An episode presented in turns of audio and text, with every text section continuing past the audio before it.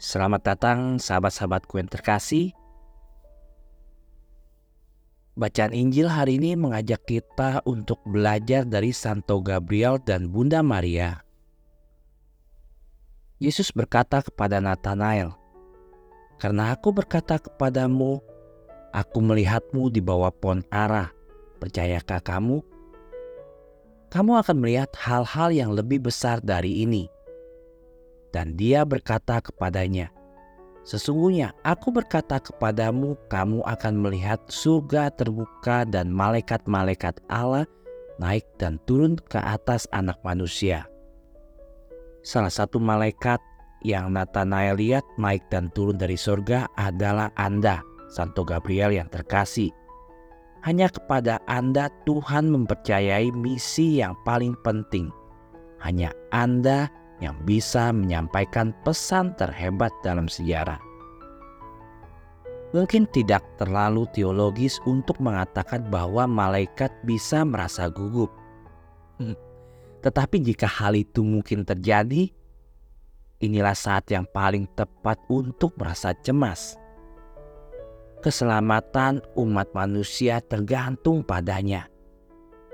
Gabriel terkasih, pernahkah kamu mengira Maria bisa berkata tidak.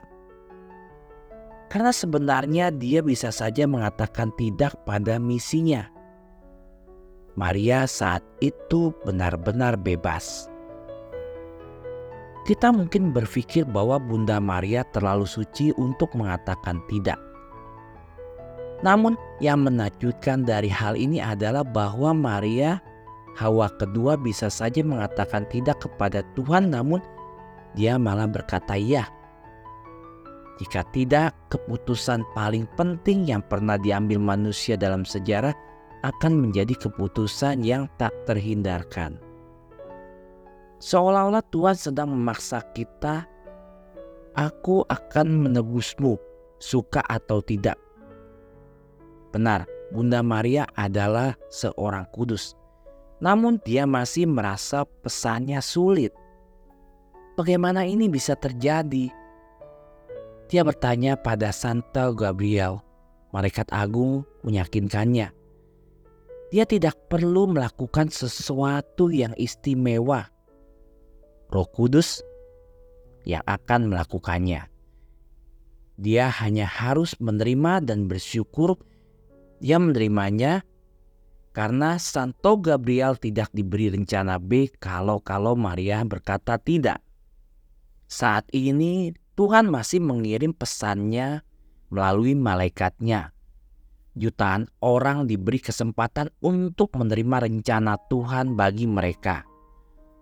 Sahabat dan saya, misi ilahi yang dipercayakan Tuhan kepada kita seperti Bunda Maria, kita tentu bebas mengatakan ya atau tidak.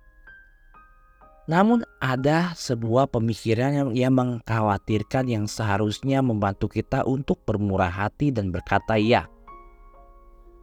Mungkin Tuhan tidak memiliki rencana B.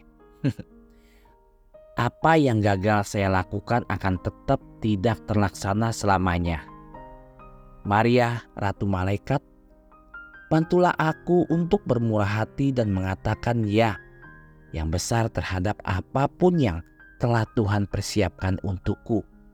Karena jika aku menerimanya, Tuhan akan melakukan sisanya. Bunda Maria, harapan kita dan tata kebijaksanaan, doakanlah kami.